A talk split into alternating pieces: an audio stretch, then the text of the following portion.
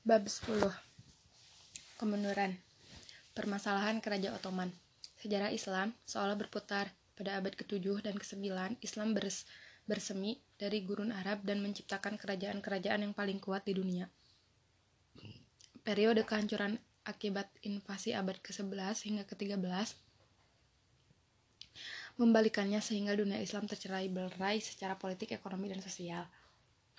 Kebangkitan kerajaan Ottoman, Safavid, dan Mughal pada abad ke-15 dan ke-16 sekali lagi menandai bangkitnya kekuatan Islam di panggung dunia. Menjelang 1520-an, kerajaan Ottoman bahkan mampu menyentuh pinggiran Eropa Tengah di Wina. Walaupun gagal merebut kota tersebut, mereka telah menjadi kerajaan utama di Eropa. Kebangkitan cepat Ottoman diikuti kemandekan dan kemunduran perlahan.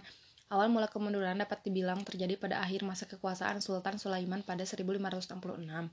Walaupun Ottoman masih menjadi kerajaan terkuat di Eropa sang, saat sang sultan wafat dan akan terus berlanjut paling tidak beberapa dekade, ada beberapa faktor yang berperan dalam kemunduran Ottoman. Berbarengan dengan kemunduran ini, negara-negara Eropa Barat, terutama Prancis dan Inggris, bangkit mengisi kekosongan yang ditinggalkan Ottoman yang mundur dari panggung dunia. Alasan utama dan paling gamblang atas kemunduran Ottoman adalah mereka tak mampu lagi mendapatkan kemenangan meyakinkan di medan perang. Di awal sejarahnya, Ottoman memiliki keunggulan teknologi yang jelas dibanding musuh-musuhnya. Mereka lah yang kali pertama memanfaatkan meriam besar untuk meruntuhkan dinding kota, seperti yang terjadi di Konstantinopel, ataupun meriam yang kecil yang lebih mudah diangkut dan kemudian berkembang menjadi senapan.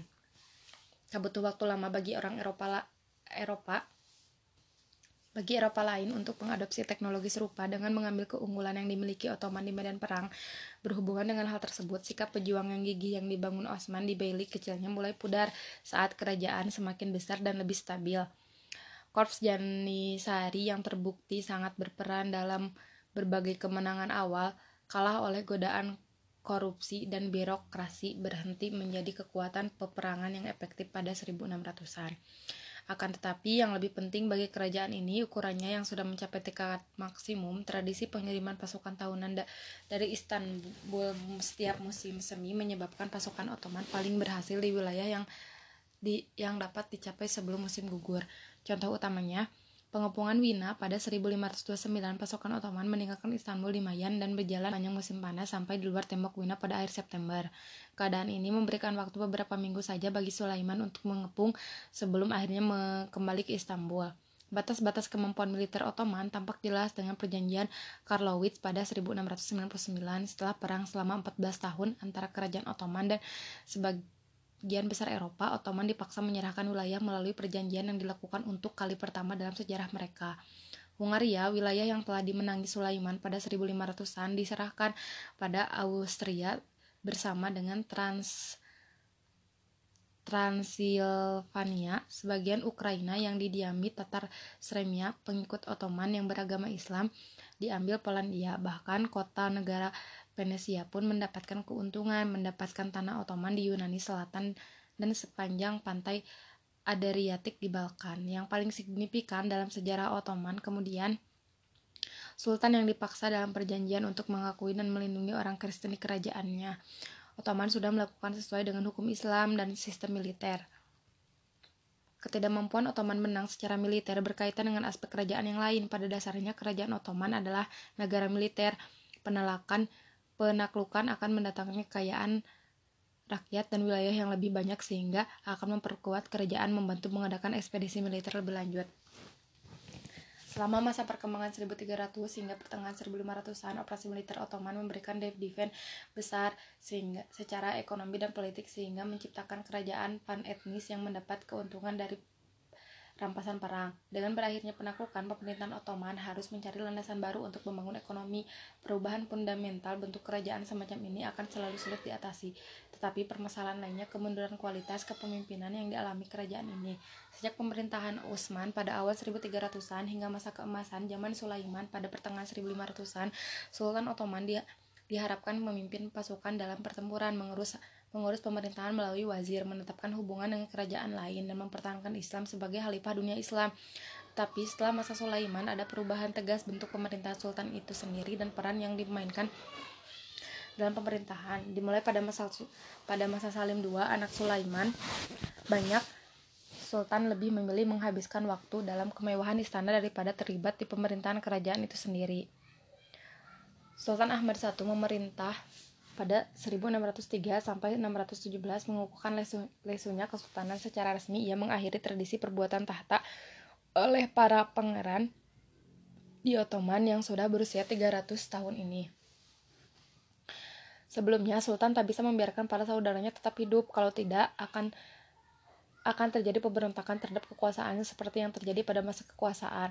Sekarang seluruh anggota keluarga Ottoman dibiarkan tetap hidup tetapi dibaksa tinggal dalam pengasingan dalam harem istana. Jika seorang sultan meninggal, pejabat, pejabat pemerintahan akan masuk ke harem dan cukup memilih anggota keluarga tertua untuk naik tahta. Banyak sultan seperti ini yang keluar dari pengasingan setelah dewasa dan mengalami dampak tertentu karena menghabiskan puluhan tahun hidup sendirian di ruang bersepuh emas. Tanpa pernah berlatih mengelola pemerintahan sebelumnya, para sultan ini tak mampu memimpin kerajaan yang besar dan kompleks dengan efektif, maka pengelolaan pun jatuh ke tangan para wazir dan pejabat pemerintah lain secara efektif berkuasa atas nama sultan. Pada 1600 dan 1700-an, keberuntungan kerajaan tak bergantung pada kemampuan sultannya, tetapi pada wazir agungnya. Ahmad I mungkin bertujuan melindungi dinasti ini dari perang saudara yang begitu mahal ongkosnya, tetapi hasil reformasi yang dilakukan membuat dinasti Ottoman tak mampu menghasilkan sultan yang cakap dalam kurun 1600 sampai 1700-an. Masalah yang jauh lebih menggusarkan di kerajaan Ottoman sepanjang masa kemundurannya selain di bidang ekonomi dan militer berkaitan dengan situasi ekonomi Eropa sejak 1500-an, negara-negara Eropa Barat seperti Spanyol, Portugis, Prancis, dan Inggris memimpin perjalanan ke dunia baru dan menguras kekayaannya dengan sistem merkantilisme yang menekankan pada pengumpulan emas dan perak dalam jumlah besar. Pertambangan di Amerika Tengah dan Selatan memungkinkan kapal-kapal mengangkut perak ke pasar Eropa melalui Spanyol. Ketika perang membanjiri ekonomi Ottoman, mata uang kerajaan sangat merosot dan inflasi pun meningkat. Ekonomi Ottoman terpukul di dua sisi, tak ada lagi perang atau penaklukan yang menghasilkan barang rampasan dan kebangkitan Eropa Barat yang perlemah kerajaan Ottoman. Secara intelektual, kerajaan ini stagnan pada 1600-an dan 1700-an setelah sekian abad keunggulan Islam di bidang ilmu pengetahuan saat Eropa berusaha melewati abad kegelapan para ilmuwan Ottoman cenderung meremehkan kemajuan intelektual Eropa mereka hampir tak bisa mereka hampir tak bisa disalahkan atas hal ini karena Eropa memang bersusah payah menghasilkan prestasi ilmu pengetahuan sejak kejatuhan kekaisaran Romawi. Kenyataannya, abad kegelapan berakhir pada 1600-an. Renaisan dan pencerahan selanjutnya memandu era baru intelektual Eropa yang ironisnya didorong, didorong oleh penerjemahan karya-karya Islam berumur ratusan tahun di kota-kota utama Eropa. Kebanyakan ilmuwan Ottoman gagal menyadari pergeseran ini dan kemajuan Eropa diremehkan sebagai inovasi kafir. Pada awal pada awal sejarahnya, kerajaan Ottoman telah berusaha menjembatani jurang intelektual antara Kristen Eropa dan dunia Islam. Pelukis, ilmuwan, dan ahli bahasa Eropa dapat ditemukan di istana Mehmed II. Tetapi saat Eropa mulai mengambil peran dominan dalam panggung politik dunia, kecurigaan Ottoman kepada tetangga Kristennya menimbulkan sikap anti-intelektualisme yang menghalangi pertumbuhan lebih lanjut. Meskipun semua faktor ini bergabung untuk melemahkannya, kerajaan Ottoman, Ottoman tetap menjadi salah satu kerajaan terkemuka di Eropa dan Timur Tengah pada 1600-an dan 1700-an. Pertumbuhan yang luar biasa dalam 300 tahun pertama begitu hebat sehingga tantangan militer, ekonomi, politik, dan intelektual yang dihadapi Ottoman pada masa kemandekannya tak dapat sepenuhnya menghapuskan capaian yang ada. Bentuk fundamental kerajaan harus berubah dan beradaptasi dengan kenyataan geopolitik yang baru. Yang paling penting adalah hubungan antara Ottoman dan negara-negara Eropa lainnya. Para wajir cukup pragmatis untuk menyadari bahwa bahwa konflik tanpa akhir dengan tetangga-tetangga barat akan berujung bencana. Hubungan antagonis Otom Ottoman dengan Eropa pun mulai pudar saat para wajir mengerti era ekspansi sudah berakhir menjelang 1600-an. Tak ada yang lebih terang benderang dibanding periode tulip yang berlangsung antara 1718 dan 1730. Pada masa itu, Wajir Agung Ottoman Nevsehirli Damat Ibrahim Pasha membuat rencana baru dengan Eropa yang ditandai dengan hubungan dagang dan perpaduan budaya. Budaya gaya arsitek Eropa terutama barok diadopsi oleh Ottoman dan dilebur dengan gaya tradisional Islam sehingga menciptakan tampilan baru yang khusus. Tulip yang populer Awal abad ke-18 di Eropa Barat sangat menonjol dalam seni periode ini meskipun budaya berkembang baik di periode tulip, kecenderungan yang lebih signifikan mulai muncul dalam hubungan antara Ottoman dan Eropa Barat. Stagnasi dan goyahnya Ottoman pada 1600-an memicu kejatuhan dengan cepat pada 1700-an perjanjian Karlowitz pada 1600 memperjelas kelemahan Ottoman, tetapi perang yang perang dan perjanjian berikutnya pada 1700-an benar-benar menunjukkan kemunduran Ottoman. Usaha Ottoman untuk mendapatkan kembali Yunani Selatan memicu perang dengan Austria pada 1710-an yang berujung pada perjanjian Passarowitz. Perjanjian ini menghasilkan penyerahan Serbia pada kerajaan Austria pada 1718. Usaha merebut wilayah kembali yang mahal yang malah menyebabkan kehilangan daerah lebih banyak benar-benar menunjukkan situasi yang sering dihadapi Ottoman. Beberapa dekade perdamaian yang diikuti peperangan membawa malapetaka dengan Rusia dari 1768 hingga 1774. Rusia mampu meraih kekuasaan atas Crimea dan Kaukasus Utara serta mendapat jaminan bahwa orang Kristen di wilayah Ottoman akan dilindungi pemisahan seluruh menyeluruh kerajaan ini pada akhir 1700-an hanya terhalang oleh pecahnya revolusi Prancis sehingga Eropa disebabkan olehnya. Pada akhir abad ke-18, Ottoman kehilangan wilayah yang sangat luas di Eropa. Gelombang telah berbalik dan meng menguntungkan Kristen Eropa. Konsesi ekonomi dan politik yang dipaksakan sama des destruktifnya dengan kekalahan militer Ottoman. Dalam sebuah kesempatan, pemerintahan Ottoman menyerahkan pengendalian penuh atas lahan yang sangat luas kepada Eropa Barat. Sultan Salim I menandatangani perjanjian dengan Perancis yang memberikan hak istimewa perdagangan khusus untuk kerajaan. Penyerahan ini awalnya saling menguntungkan karena memper kuat ikatan dagang di antara dua kekuatan ekonomi terbesar di Eropa. Namun saat Ottoman mengalami kemunduran, penyerahan ini muncul dalam bentuk baru, jadi orang-orang Perancis kebal dari setiap tuntutan atau kendali pemerintahan Ottoman. Menjelang pertengahan 1700-an, Perancis berhasil menjadikan seluruh penganut Katolik dalam wilayah Ottoman dianggap sebagai warga negara Perancis dan berada di bawah hukum Perancis. Selain itu, mereka berhak memperluas hukum Perancis kepada warga negara Ottoman mana pun yang diinginkan. Hasilnya orang Kristen di kerajaan ini mendapat dukungan ekonomi yang sangat besar. Mereka mendapat perlakuan istimewa dari Perancis yang melindungi mereka secara politis, kemudian memilih berdagang secara eksklusif dengan mereka reformasi liberal. Menjelang 1800 tampak jelas bahwa kerajaan Ottoman harus melakukan reformasi agar tetap bertahan. Serangkaian sultan yang berkuasa pada abad ke-19 berusaha mengambil kembali sebagian kendali administrasi dari para wazir agung. Sejalan dengan reformasi kerajaan Sultan Mahmud II berkuasa pada 1808 sampai 1839 menjadi sultan pertama yang melakukan reformasi. Ia mereorganisasi pemerintahan Ottoman menjadi lebih bergaya Eropa. Alih-alih menyaingi wajir dengan intrik dan birokrasi istana yang kompleks, para menteri diangkat untuk mengawasi Departemen Luar Negeri, Dalam Negeri, Hukum, Pendidikan, dan lainnya. Pasukan pengawal Sultan berakhir dalam pertempuran berdarah di jalanan kota Istanbul saat Mahmud menetapkan Nizam-i Kadid sistem baru yang mengikuti standar Eropa. Bahasa Perancis diajarkan selain bahasa Turki di sekolah-sekolah, bahkan cara berbusana pun direformasi. Turban tradisional dan jubah yang dikenakan pegawai pemerintah eh, Selama berabad-abad dihapuskan dan diganti celana jaket militer serta sepatu boot kulit. Kopiah dipakai di mana-mana oleh pegawai pemerintah dan warga biasa. Saat Mahmud menerapkan reformasi ini, oposisi muncul dari para ulama yang menentang pengadopsian budaya Eropa sebagai inovasi keagamaan. Mereka terpinggirkan oleh pemerintahan baru yang lebih terpusat kuat, yang juga mulai menancapkan kekuatan di provinsi-provinsi jauh. Para gubernur juga kecewa karena sebelumnya telah relatif lama menjalani sistem otonom. Reformasi berlanjut dan dipercepat oleh anak Sultan Mahmud yaitu Abdul Majid I berkuasa pada 1839 sampai 1861 dan Abdul Aziz 61 sampai 76. Masa kekuasaan Abdul Majid mengantarkan era yang dikenal sebagai Tanzimat bahasa Turki untuk reorganisasi. Hampir tak ada aspek pemerintahan dan kehidupan sosial Ottoman yang tak tersentuh tajimat.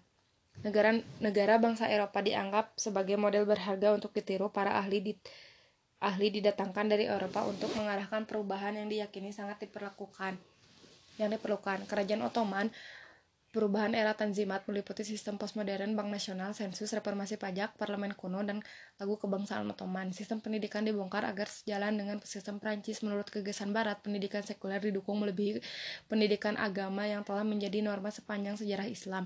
Pada masa lalu, penelitian sejarah ilmu pengetahuan keagamaan dianggap sebagai usaha yang sama Bahkan Nabi telah mendukung kemajuan ilmu pengetahuan.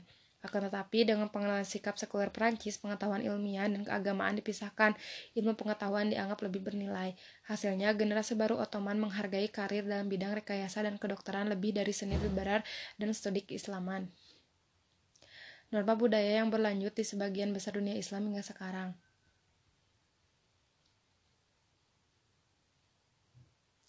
Akan tetapi, yang lebih signifikan, Tanjimat menghadirkan perubahan fundamental dalam melaksanakan pemerintahan Ottoman secara hukum. Kode hukum lama ditetapkan oleh Sulaiman dan Mufti Agung pada 1500-an dan digantikan dengan kode baru berdasarkan sistem Perancis. Sistem ini menjunjung hak asasi berdasarkan semangat pencerahan sebagai basic hubungan antara warga negara dan pemerintahnya.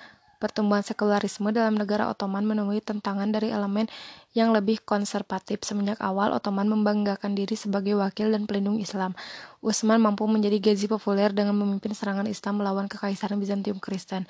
Mehmed II memenuhi ramalan Nabi tentang mengislamisasikan Konstantinopel. Salim I membawa kehalifan ke Istanbul. Sekarang, kerajaan ini menanggalkan tradisi Islam dan menggantinya dengan pendekatan liberal dan sekuler yang dipinjam dari Eropa.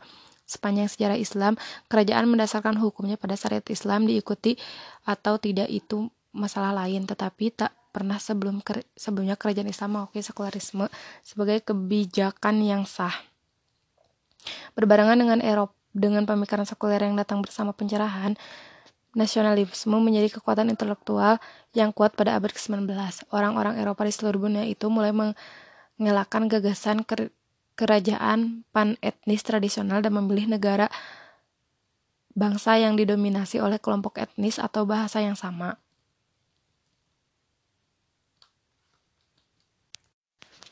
Pan-Islamisme Abdullah Hamid mungkin menjadi salah satu sultan Ottoman yang paling siap selama berabad-abad sistem pemenjaraan mewah dalam haram yang diawali Ahmad I telah lenyap pada abad ke-19 sebagai pangeran Abdullah Hamid bisa bepergian ke Eropa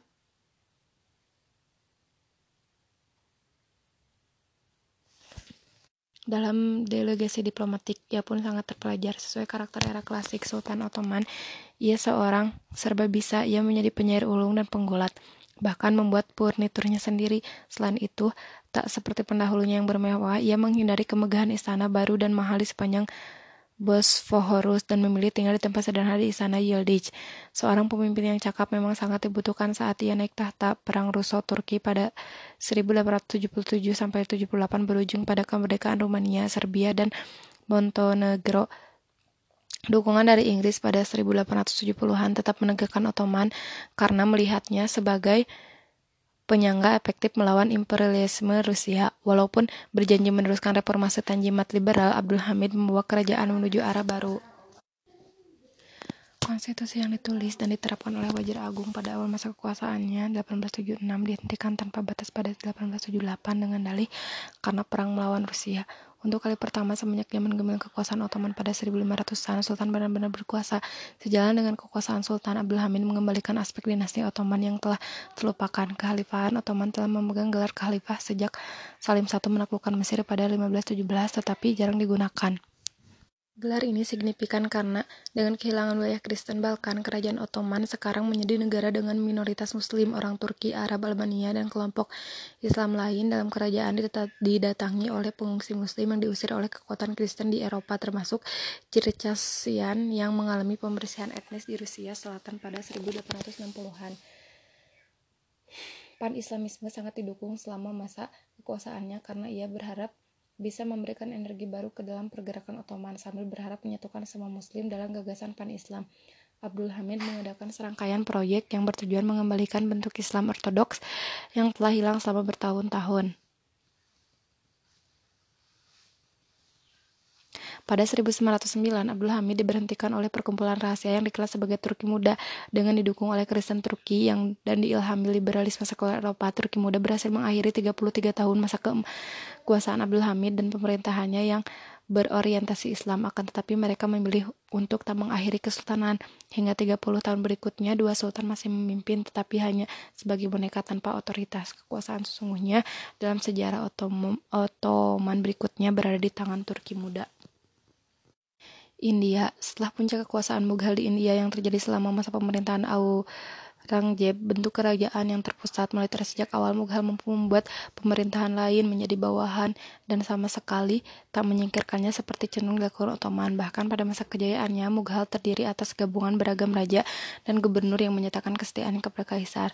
Kesetiaan ini memudar bertahun-tahun setelah kematian Aurangzeb alasan utamanya perang suksesi yang menggoncangkan kerajaan anaknya Ajam Shah hanya berkuasa selama tiga bulan sebelum dibunuh oleh saudara tirinya. Bahadur Shah pada 1707, ia pun selanjutnya hanya memimpin selama lima tahun sebelum kematiannya. Periode selanjutnya diisi oleh pemimpin-pemimpin yang tak efektif. Seluruhnya ada lima raja yang berkuasa dalam 12 tahun setelah Aurangzeb. Dengan otoritas terpusat yang mulai terstabil, para pemimpin lokal mulai bersikap sebagai pemerintahan merdeka. Mereka masih menerima otoritas Mughal sebagai maharaja, tetapi dalam keseharian Mughal hampir tak ada hubungan apa pun dengan provinsi. Bahkan saat Raja Muhammad Shah berkuasa pada 1719 sampai 48 mampu menciptakan stabilitas dan memimpin kerajaan hampir selama 30 tahun.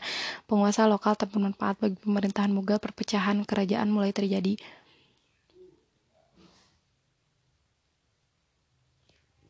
Walaupun orang Islam dan Hindu sama-sama terlibat dalam pemberontakan, orang Islamlah yang paling disalahkan akibatnya status sosial mereka di India terus tenggelam. Selain itu, di bawah kekuasaan Inggris, kerajaan Mughal yang saat itu tunggal, tinggal nama saja secara resmi dihapuskan sebagai hukuman atas dukungan Raja Bahadur Shah II pada pemberontakan tersebut. Baru pada 1947 seiring pendirian negara Pakistan, Islam sekali lagi menguasai anak benua India.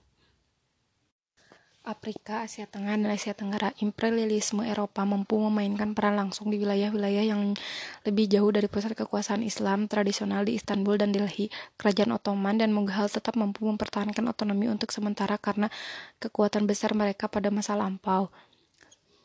Tetapi kerajaan-kerajaan yang lebih kecil di pinggiran dunia Islam tak berdaya menghadapi serangan Eropa, Inggris, Prancis, Rusia, dan Belanda mampu menaklukkan penduduk Islam yang mem dan memasukkannya dalam wilayah jajahan mereka. Pantai Mediterania di Afrika Utara telah menjadi wilayah Ottoman sejak abad ke-16. Pengaruh dan kendalinya di wilayah itu tak pernah menyamai apa yang telah dijalankan di daerah Balkan, Anatolia, dan sebagian besar Timur Tengah. Pada abad berikutnya, tradisi penyerangan dan pertahanan muncul di Mediterania antara Islam di pantai utara Afrika dan kekuatan angkatan laut angkatan laut Eropa yang terus tumbuh. Eropa menganggap Afrika Utara sebagai perompak yang bermarkas di kota-kota pelabuhan seperti Aljazair, Tunisia, dan Tripoli karena bajak laut kasar yang merampok kapal-kapal Eropa. Dalam setiap kasus menjelang akhir 1700-an terjadi gelombang yang menguntungkan Eropa. Angkatan Laut Eropa didukung kerajaan luar negeri berhasil mengungguli Afrika Utara yang bertahan hidup dengan membajak kapal-kapal Eropa. Eropa akhirnya berhasil mencapai daratan Afrika Utara dengan membombardir kota-kota utama seperti Aljazair dan Tripoli. Bahkan Amerika Serikat yang baru berdiri pun terlibat dalam aksi tersebut dengan menyerang Tripoli pada 1805. Tak butuh waktu lama Afrika Utara pun jatuh ke tangan musuh abadinya. Prancis menyerang Aljazair dan wilayah di sekitarnya pada 1830 serta menancapkan koloni di Aljazair. Tak seperti wilayah Selain itu, Inggris melarang perdagangan budak di daratan yang menjadi sumber pemasukan utama penguasa. Hal ini semakin memperlemah kontrol Islam pada Afrika Timur. Saat pemerintah Zanzibar tak bisa mengendalikan wilayahnya dengan efektif, Inggris mengambil kesempatan untuk mendirikan protektorat atas seluruh wilayah tersebut. Sistem pecah belah yang cocok dengan kekuatan imperialis Eropa terbukti manjur mengobrak-abrik pantai Afrika Utara yang pernah makmur dan kuat hingga menjadi sekedar tanah jajahan. Asia Tengah, Rusia mengambil peran utama dalam penaklukan wilayah Islam. Rusia telah menaklukkan Tatar Islam wilayah Volga awal 1500-an, berbarengan dengan ibu kota tradisional di Kazan, meskipun kebijakan penindasan diterapkan oleh Sarusia selama berabad-abad, masyarakat Tatar muncul kembali sebagai kekuatan ekonomi menjelang abad ke-19. Mereka bertindak sebagai perantara dalam perdagangan antara Kristen Rusia yang menjadi penduduk dari orang Turki di Asia Tengah tempat mereka bisa bertemu saudara seagamanya.